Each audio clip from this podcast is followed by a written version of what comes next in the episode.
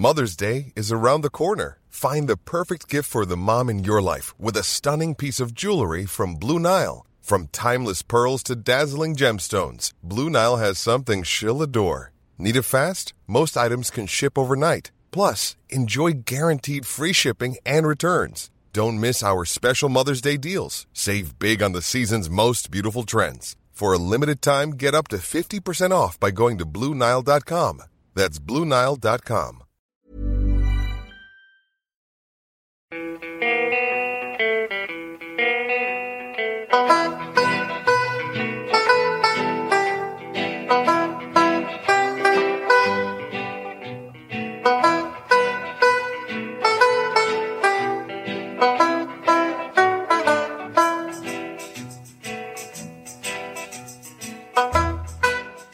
Hej och välkomna till den allsvenska podden som görs i samarbete med Robert Laul och Per Boman. Det är jag som är Laul och det är du som är Boman. Hej Per! Hallå!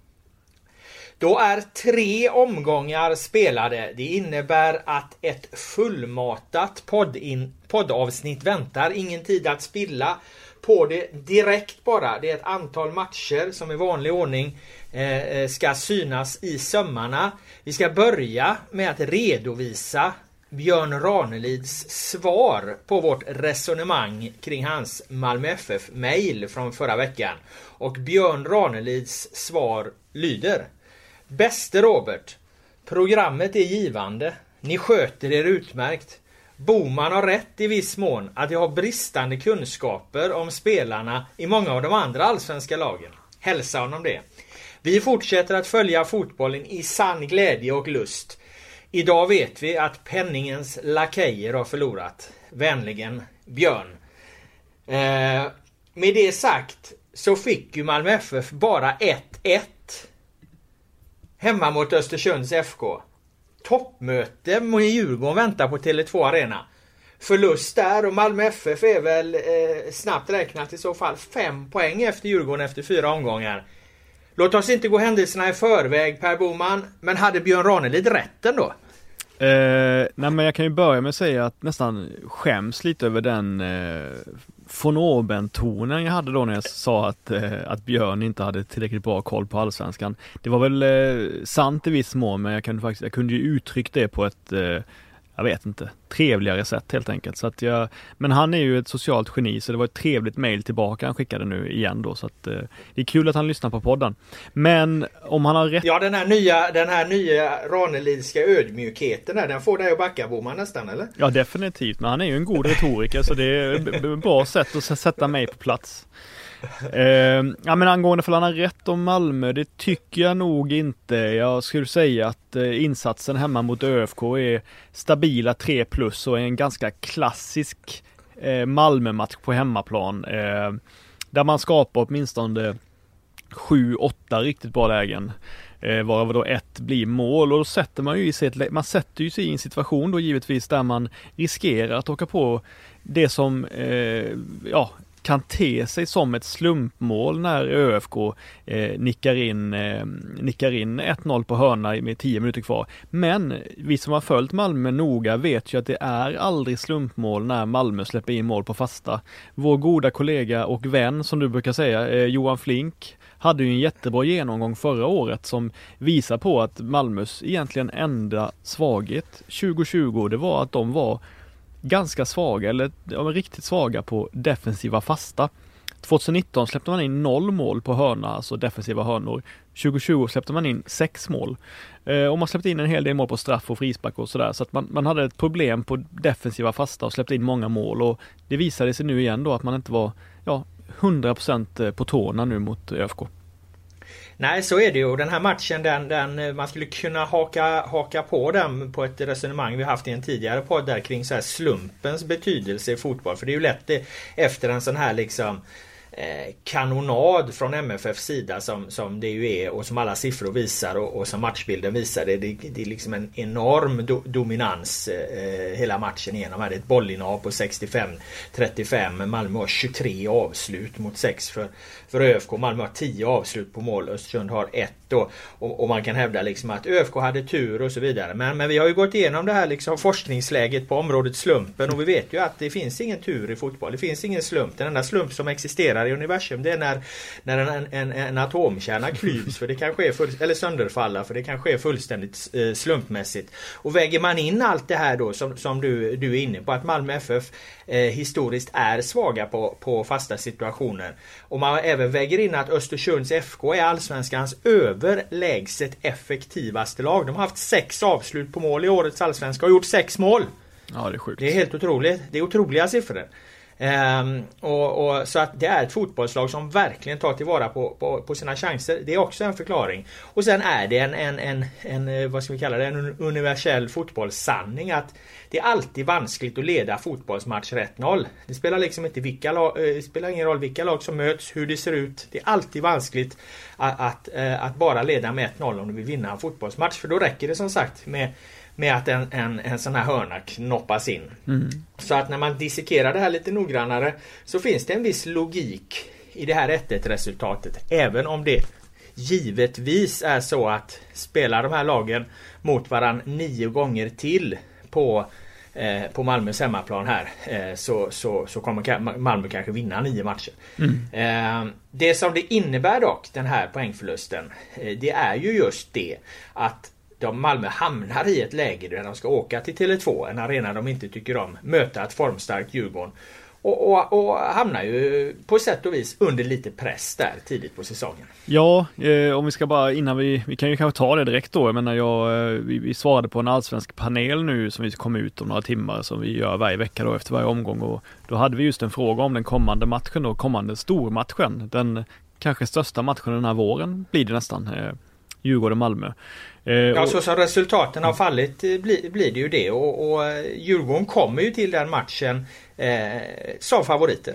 Ja, och de gör det tycker jag för att eh, Ja men dels så har de nio poäng och, och, och, Malmö har bara sju men också för att eh, Malmö FF hatar och avskyr att spela på plastmattan på Tele2 Arena. Jag kollade upp den statistiken senast de var på besök och då är det ändå så att Malmö har inte vunnit borta mot Hammarby eller Djurgården på sina sju senaste försök. Alltså det har gått sju stycken bortamatcher på Tele2 Arena i Allsvenskan tror jag, eh, kanske någon cupmatch inräknad, där de inte har eh, vunnit helt enkelt. Och det är ju en sensationell statistik för Malmö har inte ens någon sån minusstatistik någonstans egentligen. De hade ju det för några år sedan mot Häcken till exempel, men numera så har de ju egentligen inte dålig statistik mot någon motståndare eller på någon arena förutom Tele2 Arena.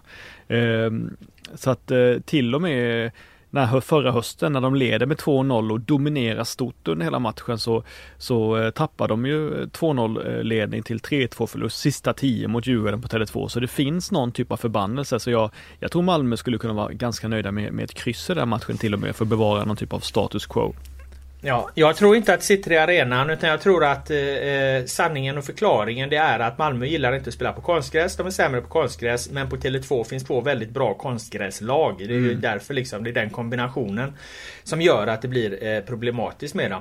För de har ju problem på andra, andra konstgräsmattor också när de möter bra fotbollslag. Jag menar de, de har väl ett antal kryss här i Norrköping till exempel och du nämnde Häcken där. Så när de möter bra lag på konstgräs Eh, då, då, då får de problem helt enkelt. Och, och, och både Djurgården och Hammarby är ju eh, normalt sett bra fotbollslag. Så att det, det förklarar väl egentligen eh, eh, den statistiken. Det jag tycker är lite konstigt med Malmö. Eh, å ena sidan kan jag tycka det är ädelt och nobelt av dem att de eh, att de driver liksom den här kampen för fotbollens framtid någonstans och, och aldrig missar ett tillfälle att såga konstgräs. Att, att prata om att konstgräs, det ska inte fotboll spelas på och, och så. Senast var det ju Anel Ahmedhodzic då eh, eh, som var ute och dundrade efter, efter, eh, efter de hade vunnit på Bravidas konstgräs mot Häcken. Eh, så var han ute och, och kritiserade då eh, plastunderlaget. Eh, men samtidigt så förstärker de hela tiden bilden av hur negativt det här är. Jag menar de, eh, man brukar ju tala om idrottspsykologi så att eh,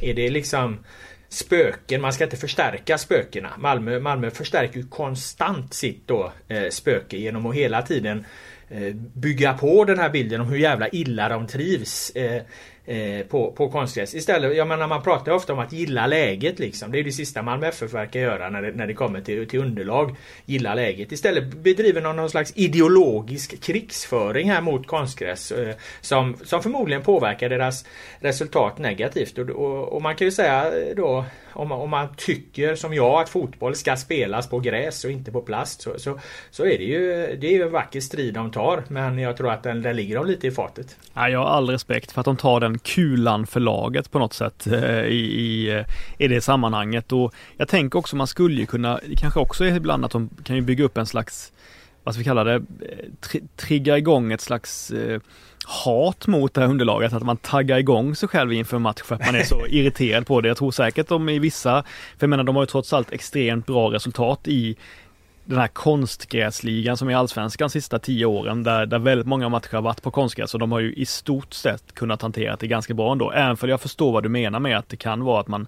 Ja men de har ju lägger... svårt på just mot de bra lagen ja, på konstgräs. Absolut. De har ju haft svårt mot Häcken, de har haft svårt mot Norrköping och som du själv är inne på där. Så att när de möter de här riktigt, riktigt eh, bra lagen som lirar på konstgräs så blir det ju eh, eh, problem för dem. Men, men det är klart att det ligger något i det du, du, du säger just i och med att jag menar det är inte bara underlaget som bestämmer hur en fotbollsmatch går. Det är ju inte, den är ju inte Den är ju Jag menar den är ju ett antal procent liksom. Mm. Utan det, är det, stora, det, det, stora som avgör fotbollsmatcher eh, det, det, det, är ju spelarna. Det ser man ju när det kommer europeiska stora lag hit till, till Sverige i Europacuper och som kanske spelar på gräs vanligtvis. De kör ju ändå över liksom Djurgården och Bayern i cuperna.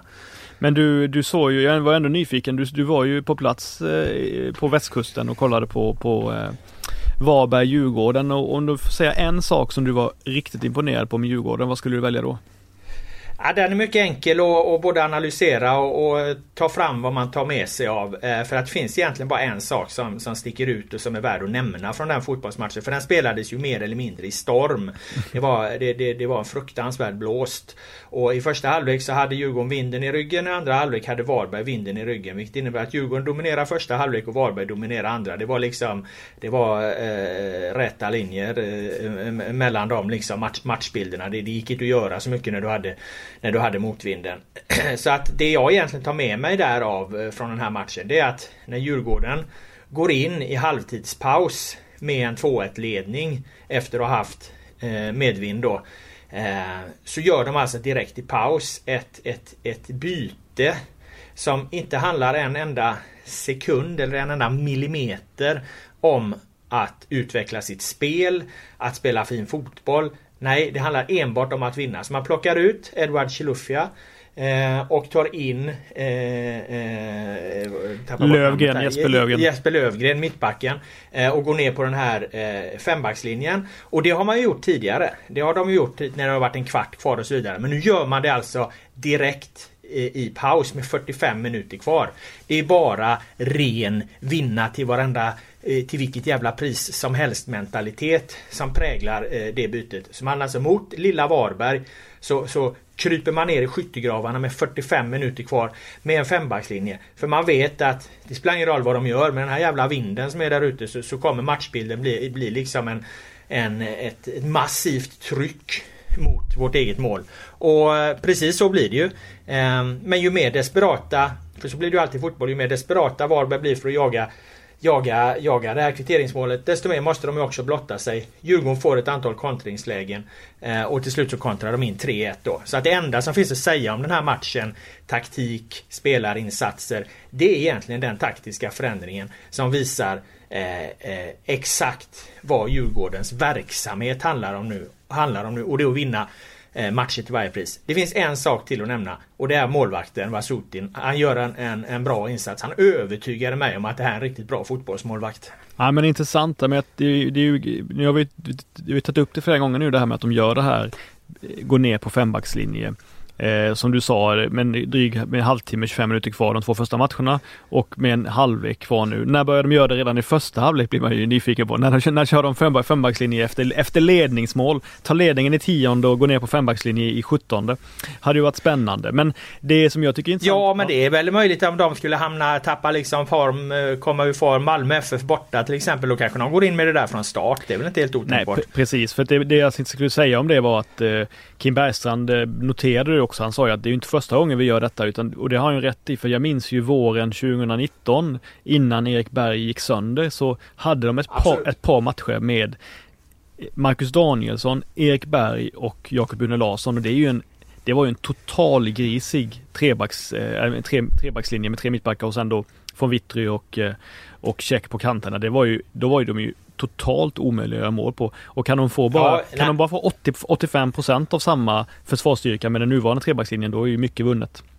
Ja, nej men så är det och vi pratade under försäsongen i fjol innan Danielsson såldes till Kina om att Djurgården för att liksom ha bättre möjligheter att eventuellt överleva ett Europaäventyr så skulle man liksom redan då börja liksom gå in eh, eh, ja, på heltid så att säga med den här trebackslinjen eftersom då hade man haft Berg, Danielsson och Larsson på plan och bästa spelarna på plan. Mm. Nu, nu var ju det aldrig i närheten eftersom Danielsson såldes och, och Berg är fortfarande skadad så att eh, man har inte kunnat göra det. Men i och med värvningen av Lövgren här nu så kan man göra det på, på, på ett eh, bra sätt och det skulle jag säga det är som sagt eh, eh när det kommer till yttre, yttre förhållanden så är nästan vind det, det jävligaste att spela Jag menar eh, Det kan regna och det, det, det, det, kan snöa bara inte plan förstörs och, och det kan hagla och, och, det kan vara en jobbig sol och, och så här men, men blåsten omöjliggör ju fotbollen. Jag menar jag tittade på statistiken på den här matchen. Jag var ju som sagt där. Men jag tittade sen på statistiken. Alltså de här lagen de har 300 passningar var inom laget. Det är extremt få passningar. Mm. Alltså, I fotbollsmatcher all, allsvenskan brukar ju lagen åtminstone komma upp i 500-600 passningar. Det kan vara uppe i 700-800 passningar på en fotbollsmatch. Och båda lagen ligger på 300 passningar ungefär totalt. Så att du förstår ju att bollen är ju i luften i den här fotbollsmatchen. Den blåser fram kors och tvärs. Så att eh, det går ju egentligen inte att dra, dra så mycket mer slutsatser än de eh, jag redan gjort. Annat än att det är klart att i avgörande moment så så är det ju flera Djurgårdsspelare som visar att de är grundskickliga fotbollsspelare. Skyller slår fina passningar. Magnus Eriksson fina inlägg. Hampus Findell har jättefin eh, nickteknik när han nickar in det här eh, målet. Mm. Aslak von Witry är säker från straffpunkten. Bärkroth har en, en, liksom en, en motvindsanpassad lobb där som avgör allting. Men jag menar det här är ju inga nyheter, det är inga konstigheter. Det, det, det, det, det här ska man ju klara på en allsvensk nivå. Men de, de, de visade det trots allt under de här svåra förhållandena. Ja, det ska bli jättekul i alla fall att se matchen på måndag där både du och jag är på plats om jag minns rätt. Ja, och jag har en sista grej inför mm. den här matchen. Vi lägger lite tid på den då. Och, och nu är det ju nästan så att eh, Du nämnde den här panelen då, man tittar där. Det är ju nästan så att Djurgården, eh, som jag var inne på, är favoriter inför den här matchen. Och då undrar jag, kan Malmö acceptera detta? Kan Malmö åka till liksom en, en, en, eh, en allsvensk fotbollsmatch 2021 eh, där liksom Eh, Eh, historien och, och nutiden någonstans flätas samman så att de icke är favoriter. Accepterar den mäktiga fotbollsföreningen Malmö FF detta eller sätter de ner på foten nu? Sätter Djurgården på plats och, och rättar till sakerna utifrån hur de tycker att det ska vara? Nej men de som gör så kallat eh, förhandsmaterial på den här matchen, alltså inför texter till matcherna, de måste ju givetvis ta upp den här dåliga sviten och det kommer ju trigga spelare som Toivonen, Christiansen, Ahmed Hodzic att, eh, mm. att som du säger att det ens liksom är på tal om att de skulle betraktas som, som underlägsna något lag någonstans i Sverige. Sista grej om den. Eh, Anel Ahmedhodzic enligt insatssiffrorna Malmö FFs svagaste eh, spelare mot Östersund. Nu var det en match då som, som de dominerade kraftigt så det var latte mittbackarnas liksom eh, eh primetime det här eh, i, i MFF. Eh, men har Ahmedhodzic, var, var har han tankarna Per Boman? Ja det vore ju mänskligt om han på något plan i alla fall eh, eh, var, funderade en hel del på var han ska hamna i sommar när alla vet att han kommer säljas. Det är klart att man kan nog inte ha så höga krav att man tror att någon är opåverkad av en sån sak. Jag tycker väl inte direkt att han har påverkats jättemycket i spelet så det är klart att han har ju alltid haft lite, lite bekymmer kanske i vissa typer av inläggslägen och defensiva fasta. Visst, han är ett monster i perioder men han kanske tappar lite koncentration i några enstaka ögonblick och det är ju inte så konstigt när han är så pass ung mittback fortfarande ändå. Samtidigt så gör han ju en del fina saker som målet borta mot Häcken och sådär och han sticker ut i, i perioder men det är, det är möjligt att han kanske blir, jag vet inte, 5% sämre av att, eh, av att inte riktigt veta än så länge vad som händer med hans framtid.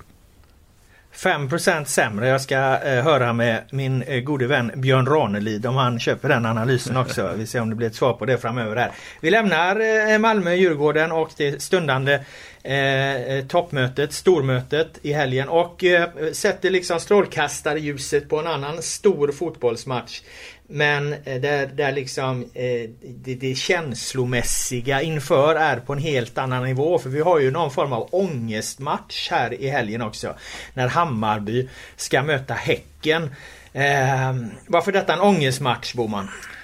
Ja, det är ju för att eh, både Häcken och Hammarby med all rätt är två lag som tippades högt upp i tabellen och är de två lagen som har underpresterat kraftigast eh, än så länge. Eh, det är därför det är en ångestmatch. Ja, så är det. Och äh, Häcken har ju inlett den här allsvenskan äh, med äh, tre raka förluster nu. Och äh, Det är intressant och det kommer man väl aldrig få något svar på ehm, vad som är vad när, när, när, man för in liksom de här mentala aspekterna. Men det är ju intressant att just det året då Häcken, då förväntningarna har varit som allra störst på Häcken. Just det året då liksom laget på papper pappret. Eh, det, har inte har gått att snacka bort att det här är ett riktigt bra fotbollslag på pappret.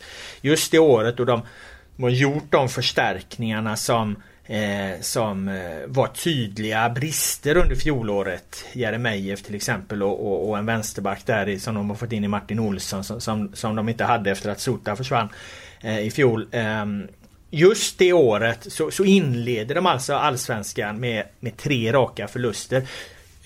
Du som, du som alldeles nyss liksom gjorde en, en procentuell bedömning av, av var, var Arnel Ahmedhodzic hade sina tankar. Hur mycket, hur mycket procentuell påverkan eh, handlar det om i Häcken här? Eh, att de inte kan hantera de ökade förväntningarna på klubben inför den här säsongen? Ja, det är en jättebra fråga. Eh, direkt efter matchen mot Sirius då kände jag att det var att det, verk, att det verkligen var ett stort problem. Men sen tycker jag ändå de uttalade sig bra efteråt med att de ändå gillade den här pressen. För jag menar det är lätt att man kan säga sådär att man börjar prata typ ja, folk kanske, mm, ja, experterna som tippar, de har ingen koll, de, de, eh, de tänker inte på det här och det här och de har, inte, de har övervärderat kanske det här och sådär och vi trots allt att vi har inte så stor ekonomi och sådär som de andra. Alltså man skulle kunna hitta massa ursäkter men jag upplever ändå att Jeremejeff, eh, Heinz och Leo Bengtsson, alla de här har ju sagt, säger rakt ut att ja, vi ska tippas högt och det är bara rakt av dåligt av att vi inte har kunnat hantera det men vi tycker också det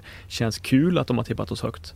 Så att eh, jag menar mot Sirius eh, första 20-25 minuterna, det känns ju nästan mer som ett eh, jag vet inte vad jag ska säga, nästan ett taktiskt haveri att det går åt helvete eh, i början där. För jag menar eh, Häcken på hemmaplan, jag vet inte ifall, ifall de är så vana vid liksom av ren automatik att mot 90% av lagen få styra bollinnehavet, styra matchen, komma in i det, rulla runt, känna ett lugn i det liksom, börja nysta ihop och så vidare, och så vidare. börja nysta ihop anfall, hitta ytor och sådär. Men eh, nu var det så att eh, Sirius kör ju med sin trebackslinje, tre mittbackar, de kör med sina relativt defensiva wingbacks, i alla fall Björnström är offensiv, de har Hellborg, de har Matthijsen, Netabay.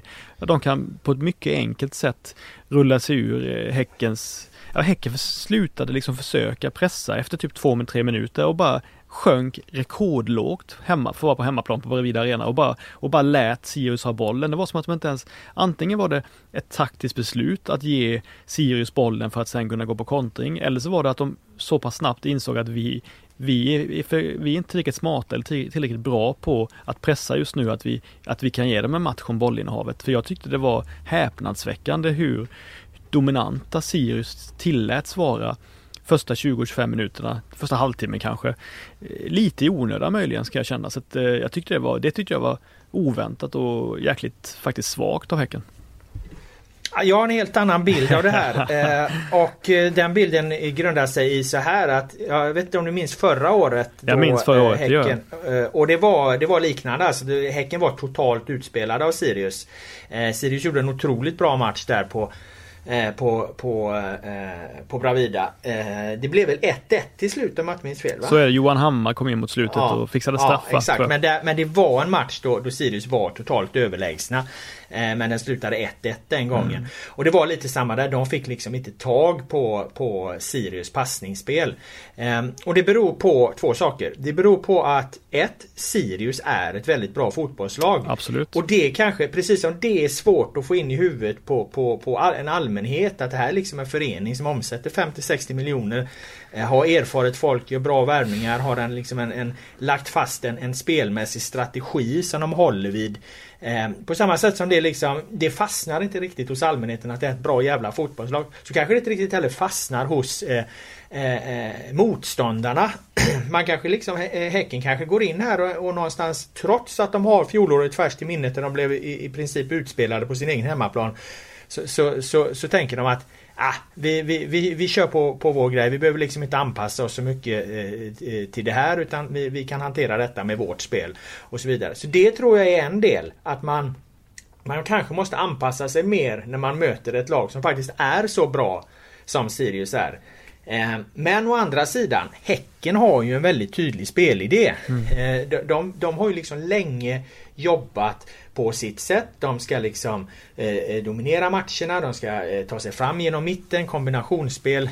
De, de, de är inte så starka på, på yttrarna utan de har liksom sin matchplan och den jobbar de med match efter match för att utveckla och bli bättre över tid. Därför, därför varken kan eller vill de väl egentligen helt bara kasta den över bord varje gång de möter ett lag som, som, som, det kanske blir lite svårare att göra det mot. Utan de vill istället utveckla sitt sätt att spela för att bli så bra på det så att de inte ska behöva bry sig om eh, motståndarna så mycket. Det är i alla fall så jag tror att Andreas Alm och, och Häcken resonerar i, i, i det här läget. De har sin spelidé, de kör på den. Men mot ett lag som Sirius här nu då så trumfade någonstans mm. Sirius sätt att spela. Sirius var ju bättre på sin sak och därför fick de eh, matchen dit de ville. Särskilt i början. Eh, jag menar ju på att den här matchen skiftar ju helt karaktär efter en halvtimme.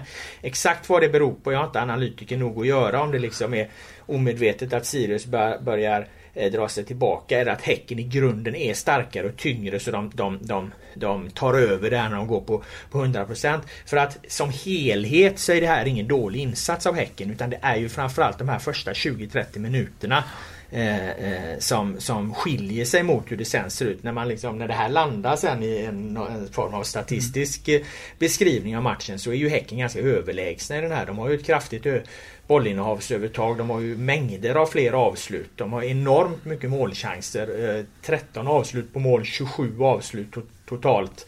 Eh, och sen är det ganska höga Eh, indexsiffror då när man sammanväger eh, alla aktioner på planen så, så, så, ligger de ganska högt och ganska jämnt i den här eh, fotbollsmatchen. Så det är, det är liksom två skickliga fotbollslag som möts. Mm. Där, där, där, där, där Sirius spelidé någonstans eh, trumfar eh, Häcken. Sen förändras den bilden. Om det beror liksom på att Sirius medvetet drar sig tillbaka eller att de inte klarar att göra det längre än de här 20-30 minuterna. Det, det, det, det, vet jag inte riktigt. Men det är så jag ser på det. Nej, men jag tror de Sirius tvingas göra det för att när Häcken till slut får tag på bollen och lyckas knacka ihop sina anfall och sina kombinationer centralt som du säger att de är ju duktiga på. Det är ju deras spelare. De är ju skickliga på det när de väl lyckas med det och gör det ganska ja. bra trots att trots att Sirius har Matthijsen, eh, Hellborg och i viss mån Netabay som jobbar ihjäl sig som är jättebra för övrigt i matchen. Så, så lyckas de nysta upp och hitta en del ytor mellan, mellan mittfältet. Ja, de gör det jättebra. De skapar ju jättemånga chanser mot samlat Sirius på små ytor där de kommer till skarpa avslut. Så att de, de, ja. de gör det faktiskt väldigt bra. Jag, tror inte man ska sväva Nej. iväg för mycket och låta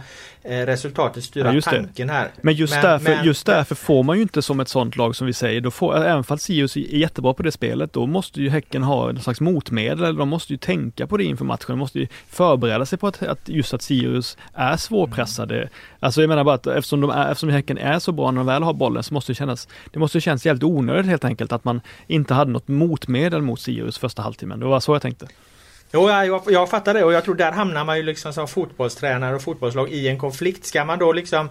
Jag menar det är ju oförenliga världar att att, att så här säga, å ena sidan säga så här, vi ska spela vårt spel till varje pris. Vi ska utveckla våran spelidé över tid. Sen varje gång man möter då ett mm. lag som, som har något annat, då måste man ändra sin spelidé efter det. Förstår du? Då, ja, då, då, då, de bitarna går ju inte ihop och jag tror det är därför eh, det är därför det, det, blir en skillnad mot just Sirius. Häcken har uppenbarligen svårt att bedriva sin spelidé mot ett lag som är så väldigt bollskickligt. Det, det är väl det någonstans man kan säga och då kanske man helt enkelt Ja, man kanske helt enkelt får ta det. Man kanske får tycka att det, det är övergripande det här att, att följa liksom sin röda tråd. Det är faktiskt viktigare eh, än att, att, eh, än att göra avsteg från det. För då kanske det blir för många avsteg till slut. Och då får man helt enkelt ta att man har en dålig eh, eh, eh halvtimme mot, mot Sirius. Man ska inte heller underskatta det, vad, vad det betyder då att det kanske är svårare att sätta sin prägel direkt på matchen när man saknar både Friberg och Irandusten då för just det Ja men för just att sätta, att, att kanske vinna bollinnehavskampen till en början, början av matchen, att vinna kontrollen över bollen. Men de tappar ju en del boll första halvtimmen också för att de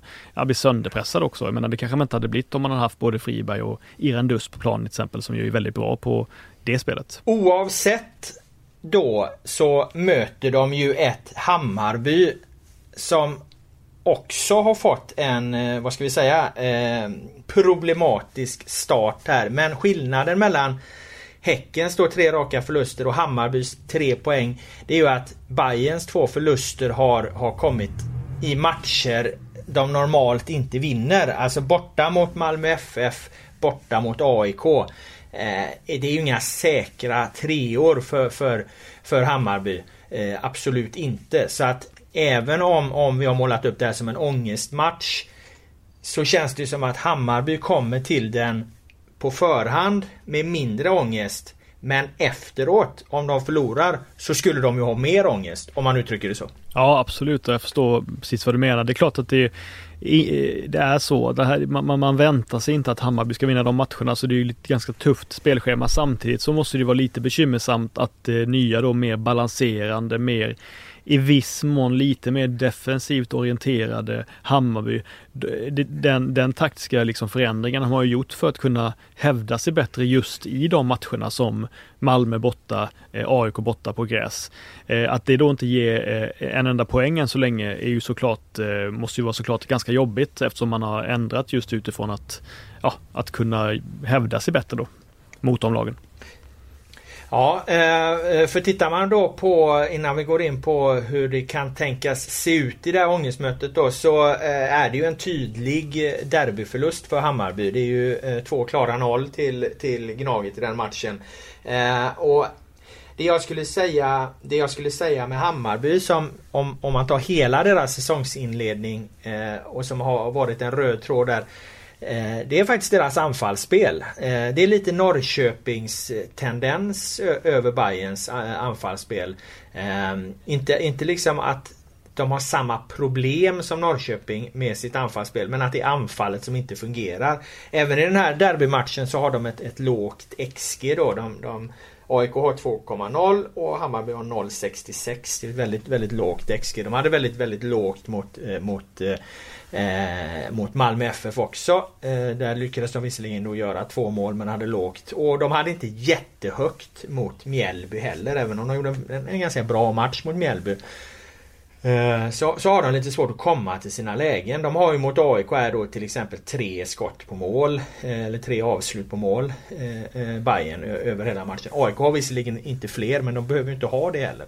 Ehm, och Återigen så är det en svag insats av Astrid Selmani. Han har de absolut lägsta siffrorna i Hammarby den här matchen. Han är nere under 200 då i, det indexsnittet som jag brukar referera till. Så det är klart att det är en svag siffra av, av Selmani. Och han har ju faktiskt inte levererat under den här allsvenska säsongen. Det kan bero på många olika orsaker. De hade ju coronautbrott och, och, och, och, och så här. Men eh, men hittills är det bara att konstatera att, att Astrid Selmani har, har inte alls liksom gett valuta för de stora pengarna som, som Bayern la på honom. Nej, han gör två bra saker i derbyt som jag var på plats på då. Han gör ju den här eh, det här mycket fina inspelet mot bortre stolpen som Ludvigsson är mycket nära på att stöta in. Jag tror inte att det, jag tror inte att den aktionen gör någonting i liksom i XG-statistiken. Men det där, det där var ett anfall som borde haft högt XG om du förstår vad jag menar. Det där, ja. det där, det där borde det där borde nog varit mål till och med och sen har han någon mer, eh, han har faktiskt i första halvleken när han, när han trycker sig fram och får till ett okej avslut i dålig vinkel och det har han även i, an, i andra halvleken. Så han är ändå inblandad i tre okej chanser. Och jag, jag håller med dig att eh, det är klart att, eh, att Hammarbys anfallsspel har inte sett så bra ut som man, som man väntat sig än så länge. Eh, däremot så tyckte jag att kanske första halvleken var ganska jämn mellan de här lagen, eller den var jämn rakt av. Eh, den var ungefär lika bra tycker jag. Jag tycker inte AIK fick ut så mycket av sitt sådär pressspel som man har hört efteråt, att de, att de folk tyckte att de var så. Det tror jag man låter resultatet styra tanken ganska mycket. Jag, jag upplever nog faktiskt att Hammarby i viss mån i första halvleken hade några mer så här metodiska anfall där man eh, på ett ganska smart sätt rullar sig fram till halvchanser. Sen gör ju AIK det enda målet och därför tycker jag att jag jag, håller med dig att ett, ett, överlag på, på säsongen så är det nog anfallsspelet som har varit sämre än försvarsspelet. Men det som gör att de förlorar den här matchen mot AIK till slut, det är ju att de gör defensiva misstag som inte AIK gör. AIKs backlinje är ju riktigt stark i den här matchen medan Hammarby låter vid 1-0 eh, stå både Fenger, så här, varje gång Fjolosson inte är inblandad så har de lite problem. Fenger och Sandberg är riktigt svaga vid 1-0 när man låter Stefanelli nicka, nicka in en boll eh, via målrätten i stolpen och sen slå in returen när, när eh, när Sandberg och, och Fenger ser riktigt svaga ut och sen är det eh, båda två inblandade även i 2-0 på en defensiv fast då när, när Bahoui smyger in emellan dem och Sandberg är svag på första stolpen och Fenger är inte tillräckligt uppmärksam på, på, sin, på, sin, på, på spelaren som kommer framför honom. Så att jag tycker ändå att det, det men det är hårt att hänga ett försvarsspel på en fast situation. Va? Man vet ju att liksom fasta situationer mm de, det, det, blir ju, det finns ju en anledning till att de, det blir mål där ibland. Så, så, så är det jo, ju. men det är ju två, det är två eh. mål de släpper in i den här matchen på, på, ja, absolut. på svag. Men jag tänkte på den fasta situationen. absolut, men, men jag upplever att eh, ändå att eh, AIK gör inga sådana misstag alls under matchen.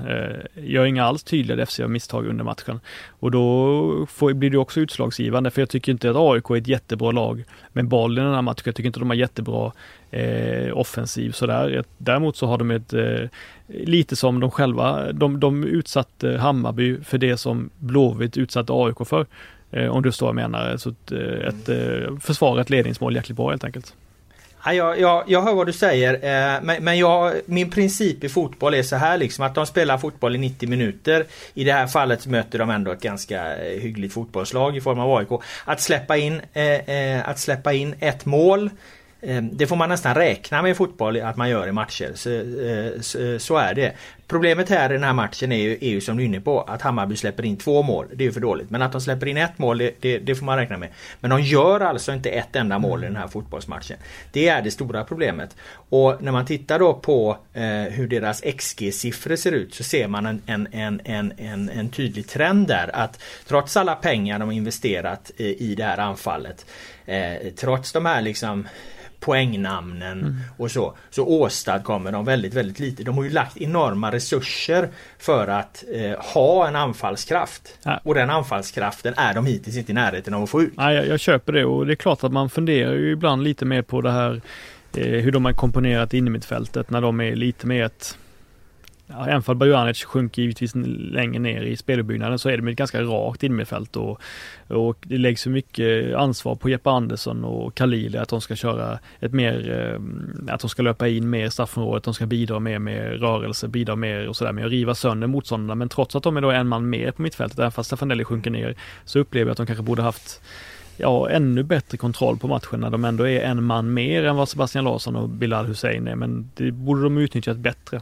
Så att det, man, man, kräver fortsatt mer av det här tremannamittfältet. Det är klart att lossnar anfallsspelet eh, eh för Hammarby så är väl de någonstans favorit på sin hemmaplan. Eh, men jag menar den segern de har tagit i år eh, eh mot Mjällby. Den var ju liksom inte helt given ändå. Nej, nej det var ingen klockren och, och nu, nu möter de ju ändå då ett lag som vi får anta är klart starkare än, än än Mjällby och dessutom ett lag då som Häcken som också är pressade att vinna. Om man tänker på Häcken då, bara, bara jag själv som en nervsvag person eh, får ju, eh, blir ju kallsvettig eh, och får ganska mycket ångest bara av att tänka på att Häcken efter tre raka förluster nu har Hammarby och Blåvitt liksom. Det är ju eh, det är ju, eh, jag menar det är, det är ju mycket möjligt att det är fem raka förluster som, som, eh, som, eh, som Häcken liksom inkasserar. Överlever, alltså Häcken är ju en, är ju en välskött klubb som inte tar några förhastade beslut. De sparkar i grunden inte tränare. De, de,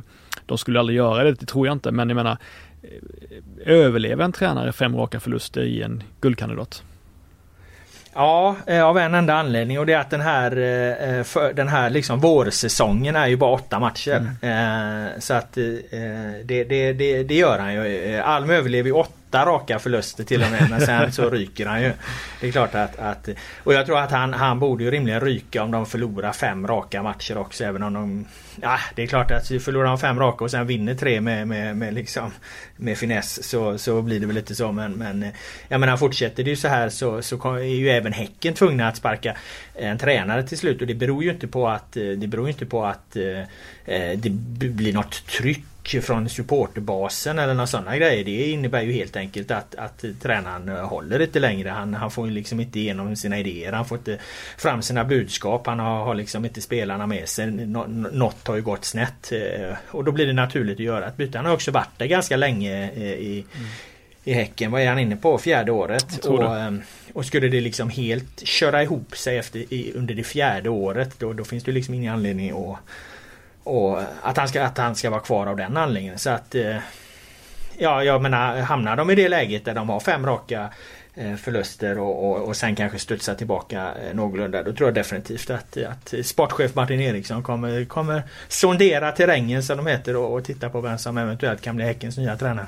Eller vad tror du? Ja, nej men jag, det känns ovanligt så här för jag, aldrig, jag kan inte minnas att Alm någon gång under de här tre åren har varit i den här typen av trubbel liksom. Det är ju det som är så fascinerande med fotbollen då att det någonting man, man kan, man kan inte vänta sig till, alltså det är ju det, de har ju faktiskt mött Halmstad och Sirius, det är ju det som är grejen, det finns inte så mycket att skylla på. Och, och eh, ingen tränare kan snacka bort tre, fyra, fem raka förluster, då är man, eh, då är man extremt illa ute och det, den är ju, den är ju väldigt obarmhärtig på det viset, den här sporten. Ja, nej men det finns ju, det, jag menar, det var det jag försökte mm. säga, det finns ju två anledningar till att man sparkar tränare. Det ena är att det byggs upp liksom någon slags tryck från support, supportrarna helt plötsligt kräver en förändring för att, för att eh, känna energi och tro på sitt lag. Mm. Och, och, och, den anledningen, det kan väl finnas liksom en relevans i det men den är ju inte alltid logisk. Den kanske inte alltid liksom är, är konstruktiv och så. Och sen finns det en annan anledning och det är liksom när, när då med det här modeuttrycket att, att tränare tappar sitt omklädningsrum helt enkelt. Att man kör fast att man inte kommer längre. Att, att, eh, att, det, att det behövs något nytt eh, och, och, och, det då snarare är en konstruktiv lösning. än Att man får, får in någon som står för något annat. Eh, eh och, och, och, det är ju snarare det scenariot då som skulle kunna inträffa i Häcken. För att det är inte så att liksom Häckens då Eh, supportrar eh, river, river, liksom, kliver upp på barrikaderna här och, och skapar ett sånt tryck så att ledningen måste agera. Utan, utan här är det i så fall ledningen som själva känner att det här har nått vägs ände. En sista fråga om, om den kommande matchen.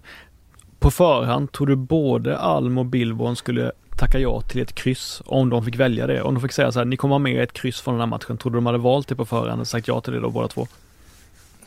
Ett handslag menar du? Ja exakt. exakt. uh, Alm, ja, det, har varit viktigare för Alm Alm, defin ja. Alm definitivt eh, bortaplan mot Bayern. Det är klart att han, han måste ta ett kryss där ifall, ifall, ifall Billborn sträcker fram näven.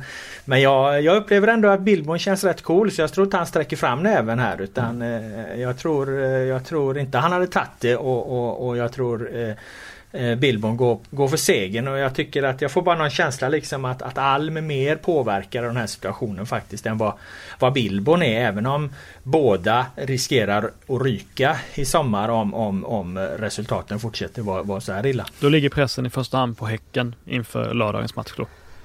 Lite mer, eh, lite mer i alla fall. Ja, det kanske den gör rent eh, Rent så eh, utifrån hur vi diskuterar om det. Men, men sen vad det säger om en eventuell matchbild det, det, det har jag fan ingen aning om. Nej, vi får se helt enkelt. Det, det, det, det, är en svår Det är en svår en, Det är en match som är svår att göra förhandsanalyser av. Mm. Måste jag säga. Mm. men vi får se. Vi lämnar den matchen där och går på, ja det, det är stor, det kanske inte är en ännu större krislag egentligen och det är ju Örebro SK. Ehm, de, de har ju fan inte gjort ett mål än va? Om jag eh, snabbt eh, Mm, kollar. det stämmer. Här. Nej, det har de, det har, det, det har de inte. Eh, de har tagit en poäng. Eh, och de har dessutom liksom haft IFK Göteborg hemma. De har haft Östersund borta och sen då Kalmar borta. Och, och på detta har det då alltså blivit noll gjorda mål, sex insläppta, en ynklig poäng.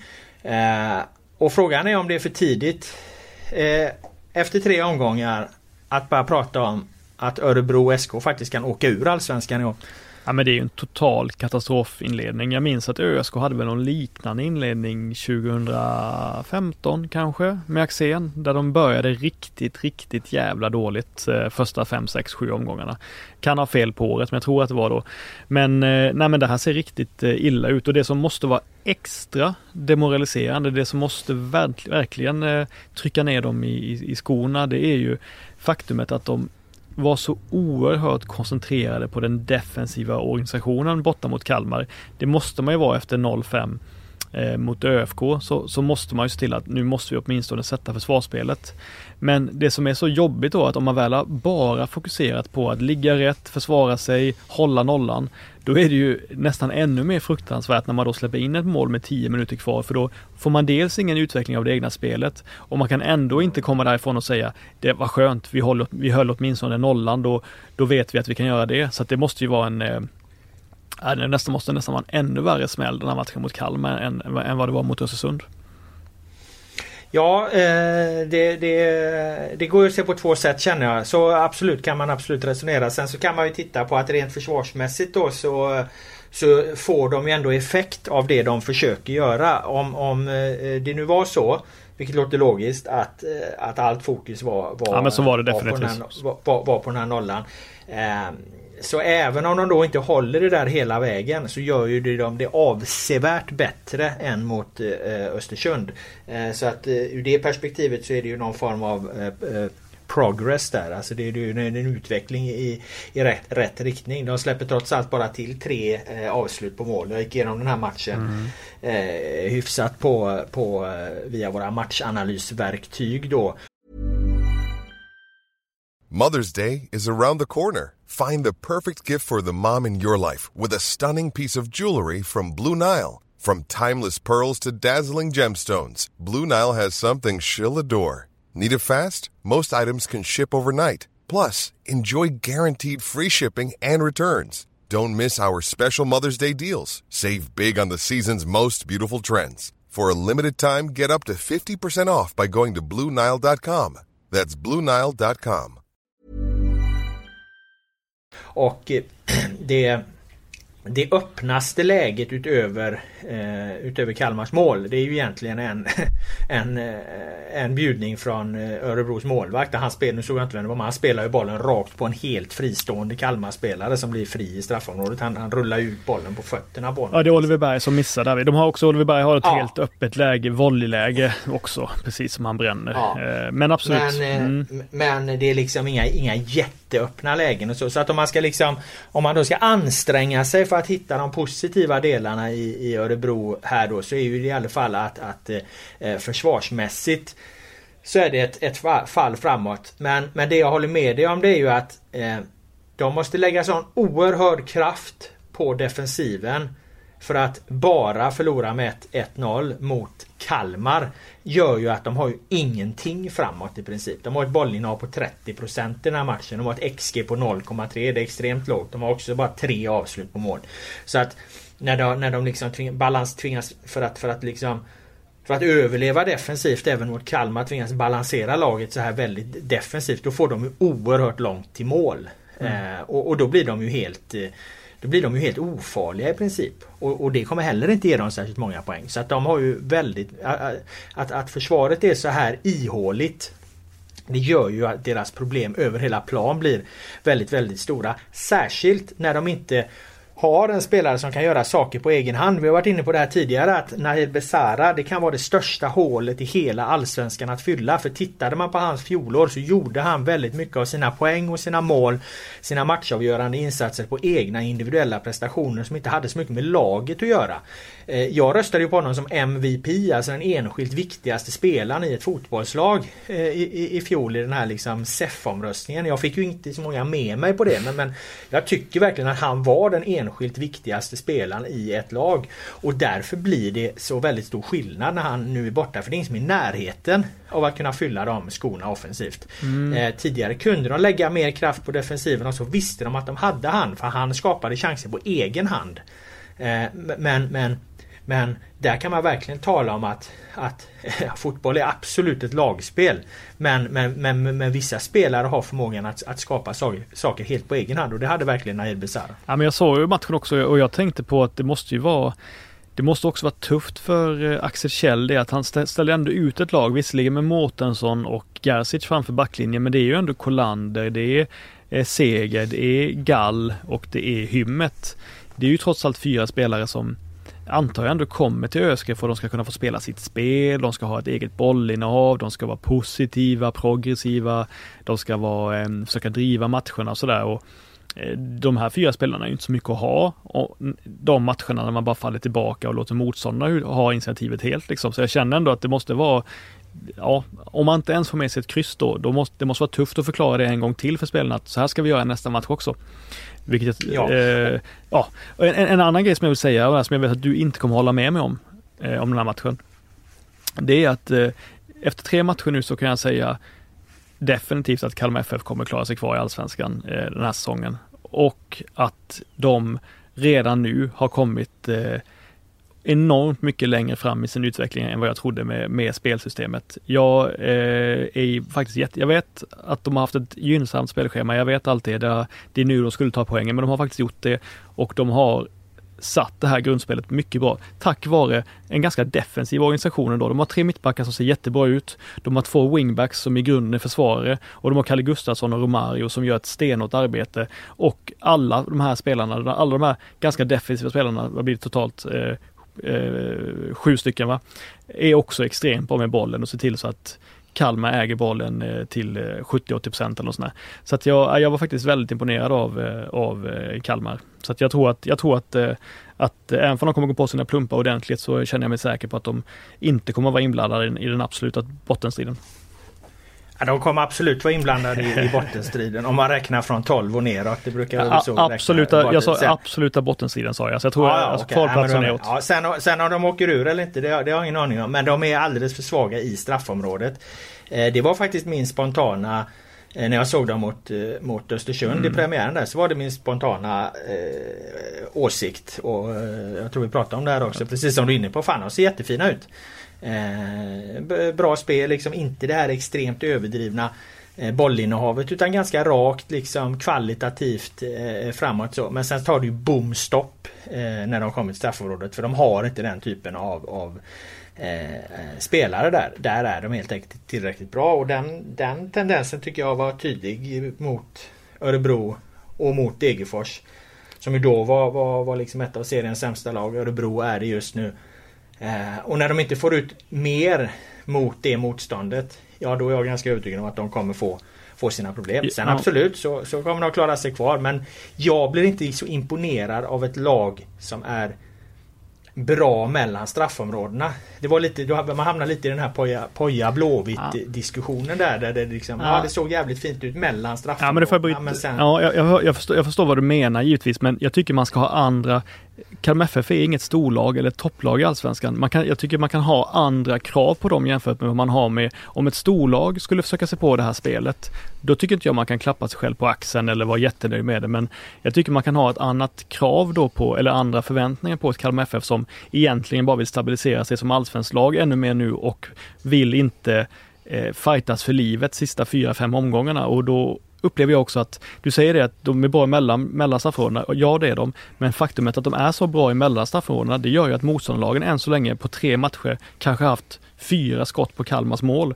Eh, det vi sa lite sådär, vi, skämt, vi snackade lite om för några veckor sedan om att, att, man, att folk säger inte lika ofta så här längre att ett eget bollinnehav är den bästa defensiven. För att eh, det sa man mycket för några år sedan att har man själv bollen så kommer inte de andra kunna göra någonting. Men i Kalmars fall ja. än så länge så tycker jag verkligen att det har funkat bra på det sättet att de har inte släppt till egentligen nästan en enda chans bakåt tack vare ett riktigt bra eget grundspel som de har satt på väldigt kort tid. Så jag menar, de är ju... Ja, men man kan inte, man kan liksom inte värdera det mot när de möter Degerfors och, och, och eh, Örebro menar jag. Så jag menar, man, man kan tycka vad man vill om Kalmar men, och man kan säga att de har varit i kvalstrider och så här. Men jag menar det här är ju fortfarande en förening som har mycket mer resurser mm. än de absolut minsta lagen i Allsvenskan.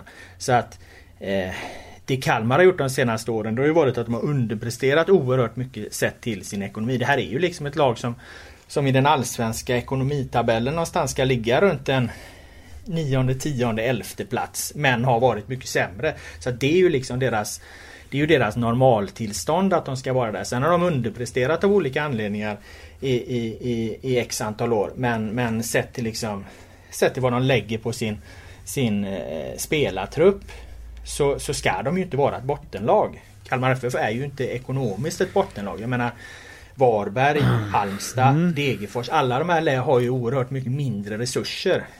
Och, och, eh, för all del Östersund nu då på grund av att de inte får värva. Är du med? Ja, jo, men nu, men, jo, men nu har de, nu har de börjat säsongen med sju poäng och noll insläppta mål. Eh, ett jättebra försvarsspel och satt mycket nya grejer och utvecklas, utvecklat sitt spel på väldigt kort tid. Då tycker jag ändå att man måste, äh, måste inte, måste man, man, man måste inte göra det, men jag vill berömma det i alla fall, för jag trodde att det skulle ta lite längre tid att helt ändra om ett spelsätt, för att det är väldigt stor skillnad på hur de spelar i år jämfört med tidigare och det, jag tycker att det har sett bättre ut mycket snabbare än vad jag trodde. Ja och då menar jag bara på eftersom du gick in och sa att de kommer definitivt klara sig kvar. Det, det kanske de absolut gör men för mig, jag blir inte imponerad av ett lag blir bättre mellan straffområdena utan det måste någonstans ge resultat över tid i Men om det innebär att man, är, om det innebär att man är väldigt på, att det innebär att man ändå slipper totalt försvara eget straffområde än så länge. För jag tror ändå att de kommer vara ganska bra på att försvara sig mot bättre lag också, eller mer lag som pumpar in inlägg. För att de har ju trots allt tre mittbackar som också är bra i, i närkampsspel, huvudspel, duellspel och sådär. Så att, eh, ja, ja nej, men blir de det så absolut. Då, då, då är det väl inget snack om saken. Men jag säger att hittills så tror jag inte det. Ah, okay. jag, kan inte, jag ser inte det utifrån det de har gjort nu. 2-1-0 segrar mot eh, eh, Degerfors och Örebro och 0-0 hemma mot, eh, mot ÖFK. Jag, jag, jag kan inte dra de vidare slutsatserna utifrån de resultaten. Jag kan konstatera att de har gjort de här resultaten. Jag kan konstatera att de har varit mot det här motståndet bra mellan straffområdena. Men det leder inte mig till att de ska bli liksom ett ett lag på som närmar sig den övre halvan. Nej, men, det, men blir de det så... Nej, men vem fan har sagt blir... det? Jag tycker det är starkt om de etablerar sig, att de, om de slipper jaga sig kvar för livet länge liksom. Det, och, och, och få en annan framtidstro i föreningen och sådär och en annan tro på det de gör och det upplever jag att det finns i Kalmar. Så att, eh, Ja absolut men det menar jag på det är ju liksom Det är ju där de ska vara. Mm. Då har man bara egentligen bara tagit sig tillbaka till det man har faktiskt har ekonomi för att vara. Mm. Det är snarare det, alltså det som har varit med Kalmar är ju att de har underpresterat de här två senaste åren. Om Kalmar nu börjar prestera på någon form av normalnivå där de, där de liksom Där deras pengar ger den rätta verkningsgraden. Ja då, då, då är det helt okej. Okay. Men det är ju vad, vad, det är vad man också, också vad man kan förvänta sig av ett fotbollslag. Att de faktiskt ska, ska få eh, effekt på satsad krona så att säga. Ja, jag har inte 100% koll på vad Kalmar ligger i liksom omsättningsligan just nu eller på vilket eget kapital de har eller hur stor kassa de har ifall det är att de ska vara 10-11. Nej men du vet ju att de har mer pengar. Du vet ju att de har mer pengar än Halmstad, att de har mer pengar än Degerfors, att de har mer pengar än Varberg, att de definitivt har mer resurser än Östersund som ju inte har några, som ju inte får värva överhuvudtaget liksom. Eh, de har mer pengar än Mjällby. Eh, så att, där har du ju liksom fem lag som i den tabellen ligger bakom dem. Eh, så att jag menar Kalmar ligger, de är ju liksom på Sirius Örebro nivån liksom. Det är, mm. det är ju där Kalmar befinner sig någonstans. Absolut. Men... Och, då, och då är vi uppe runt tionde platsen. Absolut, men jag tycker att eh, det blir tråkigt om man inte bedömer det som händer här och nu också liksom i, i det lilla. Jag håller med, man ska ha ett makroperspektiv men jag tycker ändå man får gå in lite mikro också ibland för att se vad som händer här och nu liksom. Och då tycker jag att de har det tycker jag, absolut. jag tror, jag, jag tror att du är imponerad av förändringen de har gjort. Mm. Och den kan jag, det kan jag köpa. Jag är inte säker på att den förändringen leder till en förbättrad prestation. Det är uppenbart att Rydström har gjort en förändring i hur, hur Kalmar spelar. Eh, om den också leder över tid till en, en, förbättrad prestation då befinner jag mig i, då, då kliver jag in i din hyllningskör. Men där är jag inte riktigt beredd att ta det steget än för jag ser bara förändringen, jag ser inte förbättringen. Ja, men det, eh, det köper jag, det ska bli intressant. Vi säger så här, det ska bli jätteintressant att se vilka som vinner bollinnehavet mellan eh, Sirius och Kalmar på, eh, på lördag. Det är ju, jag menar det är ju många fina matcher i helgen. Det är Hammarby-Häcken, det är liksom eh, Sirius mot nya Sirius och och eh, då eh, till exempel Djurgården mot, eh, mot mot Malmö och fan vet jag, AIK och Elfsborg. Det är många roliga matcher. ja, och den är väl kanske en av de mest spännande, håller jag också med om, Sirius och Kalmar. Men jag menar, det sa vi redan i början av den här säsongen att en av de absolut mest intressanta sakerna med hela den här allsvenskan det var ju att se eh, vad gör Henrik Rydström i Kalmar? Och jag menar, den diskussionen lär ju fortsätta. Ja, spännande. Eh, men vi lämnar Kalmar och Örebro eh, där. Eh, det har ju hänt fler saker den här omgången. Det hände ju, hände ju en hel del den här gången också. Vi hade i Göteborg i måndags. Degerfors första allsvenska seger på 24 år. Blåvitts första förlust. i Marek Hamsiks första match. Det var så jävla många ingångar på den där fotbollsmatchen så det var helt omöjligt egentligen att sammanfatta i en snabb krönika efteråt. Men jag landade i eh, slutsatsen att eh, nu har Hamsik bara fem matcher på sig för att han inte ska gå från listan över de största värvningarna till listan över floppvärvningar vi minns. Eh, men att det här framförallt var en försvarskollaps av IFK Göteborg som ligger under med 3-0 på sin hemmaplan mot Degerfors som då inte har gjort ett mål i Allsvenskan efter 50 minuter. Så att de fick ju liksom istället för att jaga den här placeringen, äh, jaga att vara med liksom i, i racet efter våren som ju hela Blåvitts vårsäsong handlar om. Man ska vara med i racet när Berg och Wendt kommer hem. Så fick de jaga för att inte bli förnedrade på sin egen hemmaplan. Och det, det rättade de väl till så sett för de gjorde ju två mål och hade faktiskt bud på en kvittering. Men det blev lik förbannat en, en förlust efter en försvarskollaps i Hamsiks debut där man ju inte kan dela ut mer än två plus till den här X-världsstjärnan.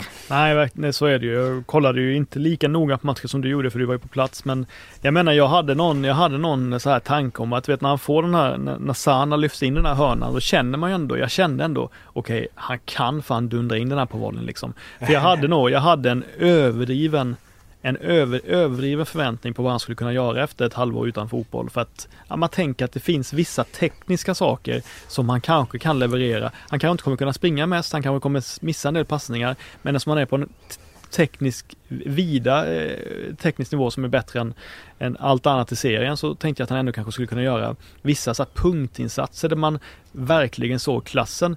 Men det gjorde mig lite besviken på för jag kunde jag kan köpa att han att han har lite pingislunga, att han gör någon indianare och sådär men då tänkte jag ändå att han skulle blixtra till med några lite oväntade aktioner eller någonting som var riktigt sådär riktigt vast. Men bortsett från att snå till bollen, bollen från Carlén och slå fram den här yttersidan efter tre minuter så, så, gör, så gör han egentligen ingenting som sticker ut. Han slänger in lite, du vet så här proffshårda instick mot Tobias Sana som Sana knappt kan, snabbt, knappt kan liksom eh, göra något av för att han, bollen kom i sån hastighet mellan lagdelarna. Så att, men eh, ja, det var ju ingen vidare insats.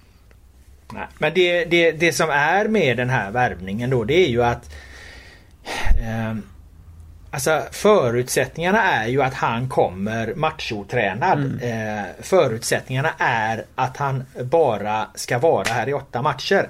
För att han då ska anses vara en, en, en vettig värvning överhuvudtaget.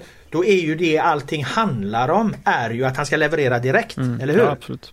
Alltså annars, annars ifall man liksom okej okay, vi tar hit honom men han är machotränad så han kommer inte hinna upp i, i, form och han ska bara spela åtta matcher. Och under de åtta matcherna så kommer han inte hinna i form. Då kunde man ju lika bra skitit i det. Förstår du vad jag menar? Alltså hela, hela värderingen det måste ju faktiskt bygga på att ska det vara någon poäng att ta hit honom då måste han leverera direkt. Det, det är ju där utvärderingen görs så att säga.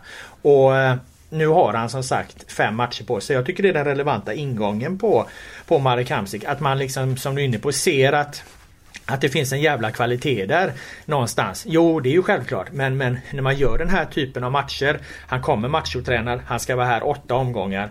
Då, är ju, då ska ju utvärderingen så att säga göras på att han ska leverera direkt. Då går det inte att säga bara jo, jo men han är machotränad. Ja men vad fan tog ni hit för då? Ja, men det, jag tycker att det är att du har en, eh, liksom en poäng i det. För jag vet ju att eh, då kommer folk säga jo men de har redan tjänat pengar på honom och hypen som det gav gav massa uppmärksamhet och resurser till Blåvitt. Och det är ju en sak givetvis. Men det får ju aldrig vara huvudfrågan. Huvudgrejen måste ju ändå vara att man, att man tänker att han ska vara en, en en 4 plus-spelare under våren minst för dem liksom som, som, eh, som ja, men, mer eller mindre dominerar för dem efter en, efter en eh, ja, kanske inte första matchen eller andra matchen men åtminstone tredje, fjärde och femte matchen så ska han ju vara en dominant spelare och ja. det får vi se. Eller också, ja, eller också får man ju vara ärlig med det då och säga okej, okay, nej men vi tog hit han får sälja tröjor och säsongskor.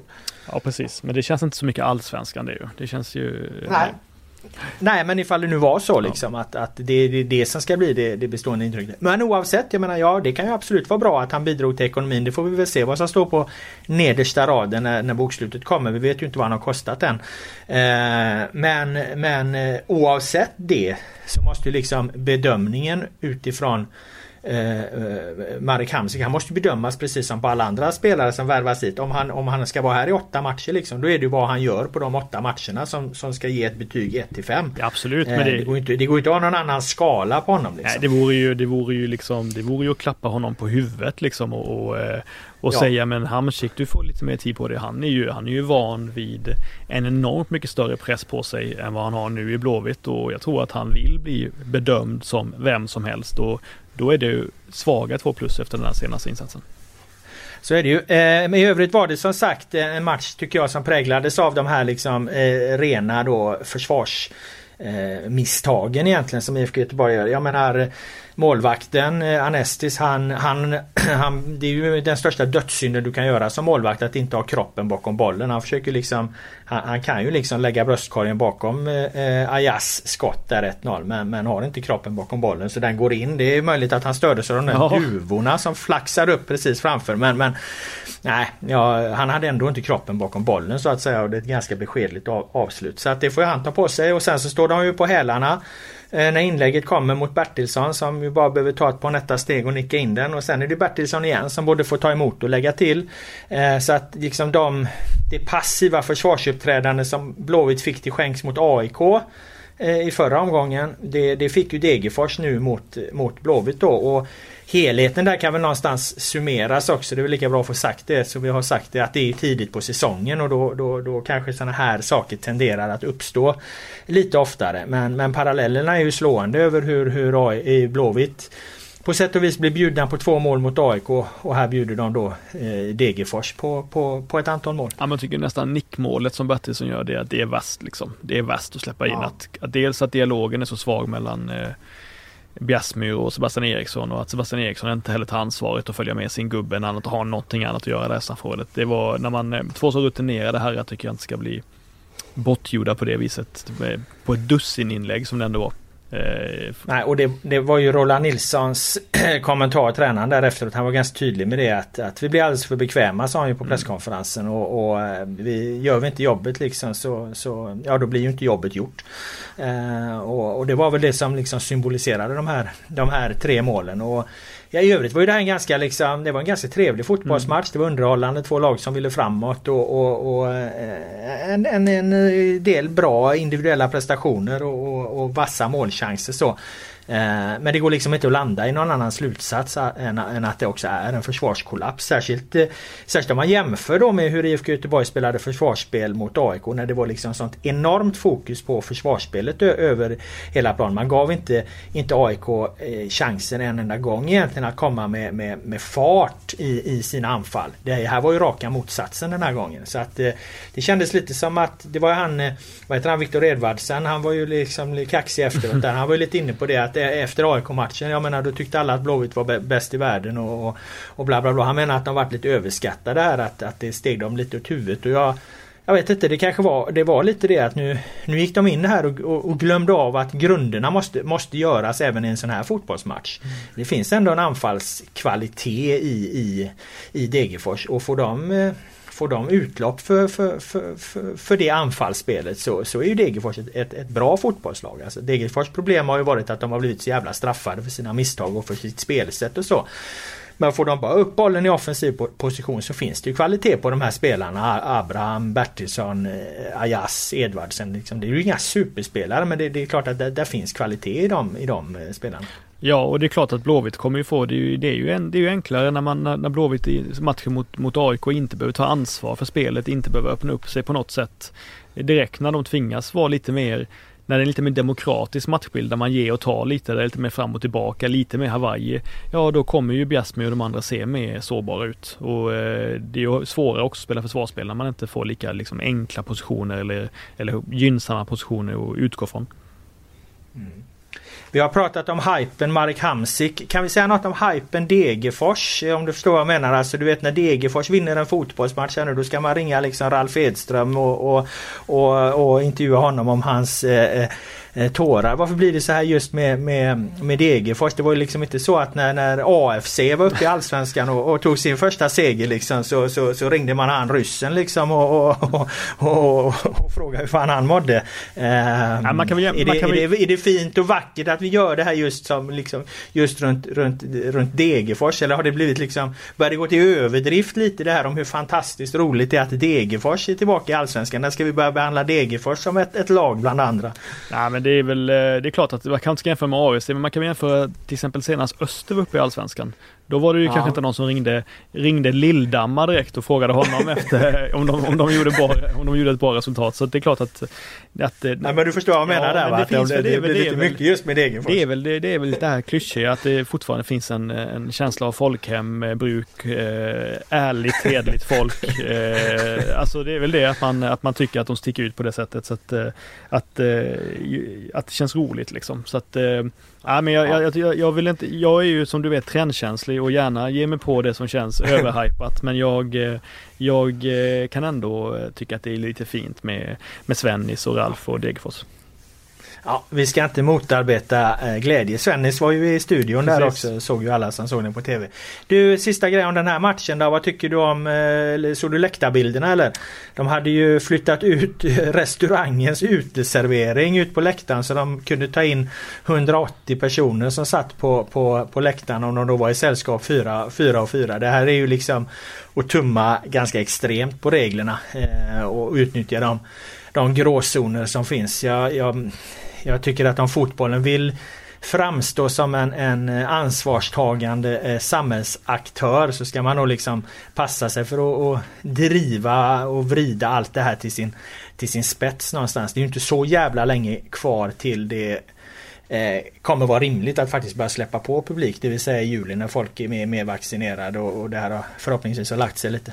Nej men det var ju det, det, så, det, det var en tydlig skillnad på det kanske är hur arenans, arenan är uppbyggd, att det är en äldre arena Ullevi för att i Stockholm och i Malmö så, där, så hade ju det har ändå känts som att det har suttit folk i loger liksom som ändå kan på något plan beskrivas som fan vet jag, restaurangverksamhet. Eh, där på Ullevi så var det väl tydligt att det inte var det liksom. Och jag vet inte, jag vet inte hur man ska se jag, jag, jag förstår att man ser det som en motståndshandling från fotbollens sida. Man ser det som ett eh, ett sätt att eh, bilda opinion kanske, ett sätt att, eh, att trycka på vad som är orimligt. Men jag vet inte heller ifall det är den bästa taktiken för, för, att, för att liksom eh, Eh, för att eh, vinna respekt eller få, få, få ett större gehör. Det kanske känns lite, eh, jag vet inte, småsint på något sätt kanske. Jag vet inte hur jag ska förklara det. Ja, jag tycker det krockar med det här med att de talar om att de är så samhällsansvarstagande eh, hela tiden och, och, och, så tar man varje tillfälle då till att,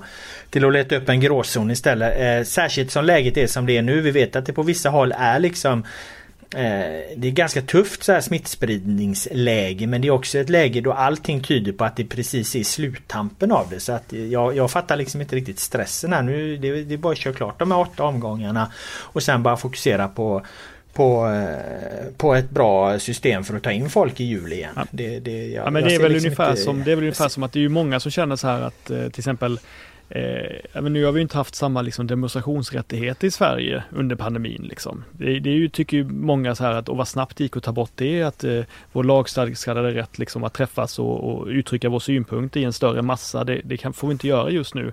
Eh, till exempel man har ingen första maj-tåg eller liknande sådär. Och, och där skulle ju man kunna säga då att det här är ett stort demokratiskt problem. Därför måste vi samlas oavsett vad, vad eh, vi har för pandemiregler eller lagar just nu. Men det, det, det, jag vet inte, det är ju, det görs Ja det har jag i så fall Ja det, det görs ju, det görs ju till exempel ja. inte liksom. Så då, jag menar om det inte görs så kanske Ja, ja, det finns ju många, det är många som har rätt att känna sig orättvist behandlade helt, helt enkelt. Men, men ja. man kanske ändå måste fundera på vad man ska göra för att visa att man är orättvist behandlad.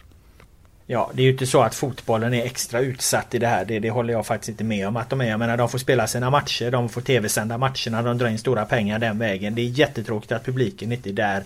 Eh, men, men allt tyder liksom på att, på att i, från och med juli så, så, så kommer man kunna börja, upp, börja upp, öppna upp där och då tycker jag liksom inte att det finns någon anledning med det här tonläget som har varit en längre tid eller att, att eh, desperat leta efter de här eh, kryphålen. Så. Ja, men jag känner väl också att, men, jag, jag, ja. jag, känner känner väl också att jag är fortfarande så att jag kan, jag har inte, jag liksom handen på hjärtat hade jag inte kunnat säga tvärsäkert att det är helt sjukt att man inte får vara med folk på läktarna just nu. Jag, jag känner fortfarande inte att jag har den liksom mandatet eller den, eh, det kunskapsläget att jag känner att jag skulle kunna säga det så att jag tycker att det är att det är så sjukt att man inte kan vara ännu fler på matcherna. För jag, Nej, men problemet är ju när de jämför med Skansen och allt det. Jag menar Skansen är på ett ställe. Jag menar ska man släppa på det här liksom publik på läktarna. Du vet det är en jävla massa matcher i massa olika delar av landet. Det är smittspridningsläget är olika på olika ställen. Det är massa olika idrotter och så.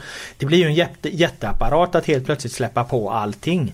Mm. Så, så, det är klart att det måste göras eh, ordentligt i, i, ett, i ett läge då, då, det, då det blir hållbart känner jag. Det, det är väl, och det, där, det håller jag med dig. Därför kan inte jag jag heller säga att det är helt, är helt sjukt att det, det är få eh, eh åskådare på arenorna nu eller att de bara får ta in de här åtta då även om det blir lite liksom Jag förstår ju att det är enkelt att utnyttja peka på någon, någon, någon form av, av, av, bristande logik i det hela tiden. Men om man för in hela perspektivet att det, det är liksom det är massa idrotter. Det är inte bara fotboll som pågår i det här landet. Det, det ska ju, det, I så fall så ska det ju öppnas upp på, på andra liksom matcher. Handboll och, och basket och innebandy och allt vad fan det är liksom. Eh, så, så, att det blir ju en jätteapparat att börja släppa på eh, publik på, på idrottsarenor. Och det är ju också så att det är väl någonstans logiskt att det är de stora publika evenemangen som då idrottsevenemang, som konserter, som festivaler. Det är väl ganska logiskt att de hamnar långt bak i kön, är det inte det? Bakom liksom affärer och köpcentrum och allting. Ja, alltså det tror jag de flesta håller med om också att det, att, eh, att det viktigaste är väl att samhället liksom går igång, att man kan köpa mat, att man kan gå till sjukhuset och så vidare. Och så vidare, och så vidare. Men, att, eh, men jag förstår ju också, jag förstår ju liksom att många människor är desperata över att, över att få följa sin klubb och få gå på matcherna och sådär. Och då förstår jag också att man ta till medel för det men jag vet inte om det är rätt väg att gå. Ja men det förstår jag. Jag har full respekt för, för, för fans som vill in på läktarna och som, som, som eh, diskuterar och debatterar och, och är ivriga på att komma tillbaka till det de älskar och, och, och, gillar att göra och så. Men det är när klubbarna liksom föreningarna, Håkan Mild och, och de här liksom tar medvetna beslut att okej okay, nu ska vi röra oss i den här gråzonen. Det är då jag får ett problem. Mm. Kan ni verkligen kalla er för ansvarstagande när ni, när ni letar liksom efter de här kryphålen? Målen. Ja, nej, jag tycker det är en bra poäng. Ja, då stannar vi där. Vi har bara en grej kvar. Vi måste beröra en av de sakerna som vi har talat eh, mest om kanske i den här podden under inledningen av årets allsvenska och det, det är ju IFK Norrköping, Rickard Norlings Norrköping som ju också haft en problematisk eh, eh start. Nu har de tagit sin första seger 2-1 mot Halmstad BK och jag undrar hade de lyssnat på Allsvenska podden? Alltså jag satt, jag satt och log lite när jag tittade på den här eh, matchen via mina matchanalysverktyg. För jag har ju drivit en tes att deras problem har varit eh, anfallsspelet, inte förs eh, försvaret. Eh, de har liksom, de har blivit, de har inte varit desperata när de har kommit upp till straffområdet. De har haft liknande spelartyper som har vänt om. Eh, de har liksom inte sökt avslutet utan de har liksom blivit jävligt bekväma. Lite ungefär som att de har känt att någonstans, ja ja, vi, vi är så mycket bättre så det här löser sig. Och det är ju jävligt bra spelare. Haksabanovic, Adegbenro, Levi och så vidare. Nu mot HBK så var det ju fullt blås rakt mot mål i alla lägen och sköt och sköt och sköt. Jag har aldrig sett så många blockade skott. Jag menar vad heter han, Andreas Johansson, han måste ju sett ut som han har haft liksom röda hund efter den här matchen med alla liksom eh, röda bollmärken han måste haft över kroppen. Eh, Jonas Virmolas blocka skottträning där, den gamla klass, Youtube-klassikern, det var väl i Halmstad. Den fick de sannerligen användning för. För jävlar vad de blockade liksom. För nu sköt de hela tiden och nu var de desperata. Och I Norrköping nu anföll de med fart. De hade 17 avslut. 7 på mål, 2 gick i mål till slut. XG eh, på 1,7. Inte jättehögt men det var som sagt en jävla massa skott som blockades kors och tvärs i den här matchen. Eh, och ja, det var verkligen en, en, en total scenförändring. Det var som att eh, det var som att de hade lyssnat på podden. Ja, ja det kan ju vara att Norling har gjort samma analys som dig kanske. Eh, o, eh, oavsett sådär men jag eh, jag, eh, ja, alltså jag såg så matchen. Jag tyckte väl att andra halvlek stämmer överens med det du säger. Första halvlek så fick de, fick de givetvis den här genomvidriga starten när Mikael, eh, när eh, Mikael, Marcus Antonsson lyfter så högt över marken och skarvnickar in det här mycket fina 1-0 målet efter vadå, tre minuter. Och det är ju givetvis ett hemskt Eh, en hemsk öppning mot just Halmstad som gick ner i sin tiobackslinje sen resten av första halvleken. Och, och eh, ett Norrköping, ett slött och långsamt Norrköping försökte, du vet, trä in eh, lyror på den, eh, vad ska det, de här sju metrarna som var mellan backlinje och målvakt när, när hela Halmstad stod på sista egna fjärdedelen av planen. Det är ju givetvis väldigt, väldigt svårt. Och jag trodde faktiskt, jag trodde att det skulle vara svårt även i den andra halvleken. Jag trodde att HBK skulle fortsätta försvara sig lika bra och tätt och lågt och att ett frustrerat Norrköping nästan skulle få ännu svårare. Men det var något som gjorde att HBK plötsligt så porösa ut i den andra halvleken. Det var något som gjorde att de att det plö plötsligt... Ja men det är ju precis ja, det jag beskriver Jag vet det, jag vet det. Och det, det, det, tycker jag var imponerande. I andra halvleken så var det en annan fart. Det var mer en touch. Det ja. var mer centrala kombinationer och det var skott utifrån vilket eh, gjorde att HBK eh, fick röra sig mer, fick, eh, fick sprida ut sig mer. Men i första halvlek såg jag ja. inte det, men i andra halvlek så köper jag det rakt av det du säger. Ja, nej men absolut. Det, det, det, är möjligt att det var mer i andra halvlek så. Eh, jag har ju mer liksom sett eh, koncentraten mm. då när de drar ut de här eh, XG-koncentraten då. Och, och då var det verkligen så. Men det var en rad, eh, rad flygande, flygande avslut. Mm. Jag menar det var uppenbart att Haksabanovic istället liksom för att vända om så drog, drev han in nu i straffområdet och sköt. Och visst målvakten räddade men, men, men det, det, det drar ju liksom på sikt isär motståndaren. Det drar ju isär Halmstad. Det blir liksom inte lika lätt för dem att försvara när det helt plötsligt kommer avslut. Om man bara hela tiden vänder om som Norrköping hade hållit på med i 5-6 matcher innan. Eh, så var det här definitivt ett, ett eh, kliv i rätt riktning för Norrköping att bli mer direkta och det, det, här, det tror jag på sikt är extremt viktigt för dem. Det är så här de måste, det är så här de måste, det är utifrån det här de måste fortsätta utveckla sitt anfallsspel. Ja men det var mycket mer rörelse. Äh... Sådana som Isak Bergman Johannesson, Kalle Björk, flera spelare till tog mycket mer löpningar in i straffområdet, mycket mer eh, tredjemanslöpningar och så vidare som givetvis gör att det blir svårare för HBK. Eh, vi ska runda av den här eh, podden mm. Boman. Det är några lag vi inte har nämnt något om. Någon, eh, och jag tror att eh, särskilt eh, så kommer ju Elfsborgs fansen ja. känna sig besvikna på det här när vi säger att vi ska eh, fånga upp hela mm. allsvenskan. Mm. Men eh, Elfsborgs matcherna har hamnat i, i, i skuggan här rent vad ska vi säga logistiskt alltså. Mm. Så att Eh, vi har liksom inte, inte haft möjlighet att, att ha något bra fokus på dem. Det har, det har varit sista matcher på, på måndagar varje gång känns det som. Och, och så har det varit någon, någon liksom stormatch som har konkurrerat ut det. Eh, ändå har de ju då repat sig efter den här premiärförlusten och tagit eh, eh två raka segrar. Visserligen segrar de ska vinna men, men ja det ska ju göras också. Så att eh, de, de har ju fått en bra start till slut här nu och vårt löfte får väl då vara liksom att nu, nu möter de ju AIK mm. här uppe i, i Stockholm då till helgen och den matchen ska vi väl på båda två va. Så att då, då är det fyra ögon, all eyes on Elfsborg så att säga. Ja, absolut, nej men det blir en full, fullödig analys av Elfsborg då. I den här tuffa matchen mot AIK, de har ju ofta problem på på Friends Arena om jag minns rätt. Så brukar det vara ganska tufft för dem. Jag skulle precis säga tvärtom. Har inte ja. det där förändrats de senaste åren här nu? Att Elfsborg har, har börjat, eh, börjat eh, eh, vinna på, på, på Friends. De vann i fjol i alla fall. Eh, för då var jag där. Det var väl typ... Vad var, det inte kryss, var det inte kryss i Bartos i hans första? Det kanske var att de vann Elfsborg faktiskt. Ja, jag vet inte fan. Ja, det, kanske, det kanske inte finns någon trend där eftersom vi ser den olika. Så finns det ingen, i, i, ingen trend. Det kanske startar den på Ja men du har på, rätt. På du har rätt. De vann, de, de vann 2-1.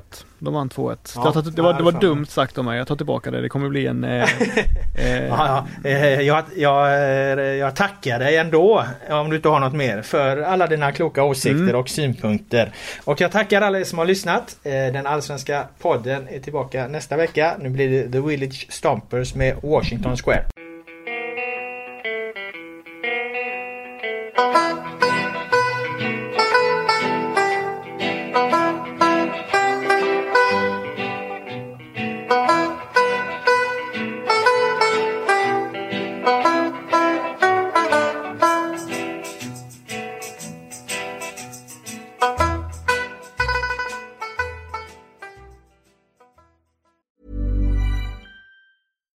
Here's a cool fact a crocodile can't stick out its tongue. Another cool fact you can get short term health insurance for a month or just under a year in some states. United Healthcare short term insurance plans are designed for people who are between jobs, coming off their parents' plan, or turning a side hustle into a full time gig. Underwritten by Golden Rule Insurance Company, they offer flexible, budget friendly coverage with access to a nationwide network of doctors and hospitals. Get more cool facts about United Healthcare short term plans at uh1.com.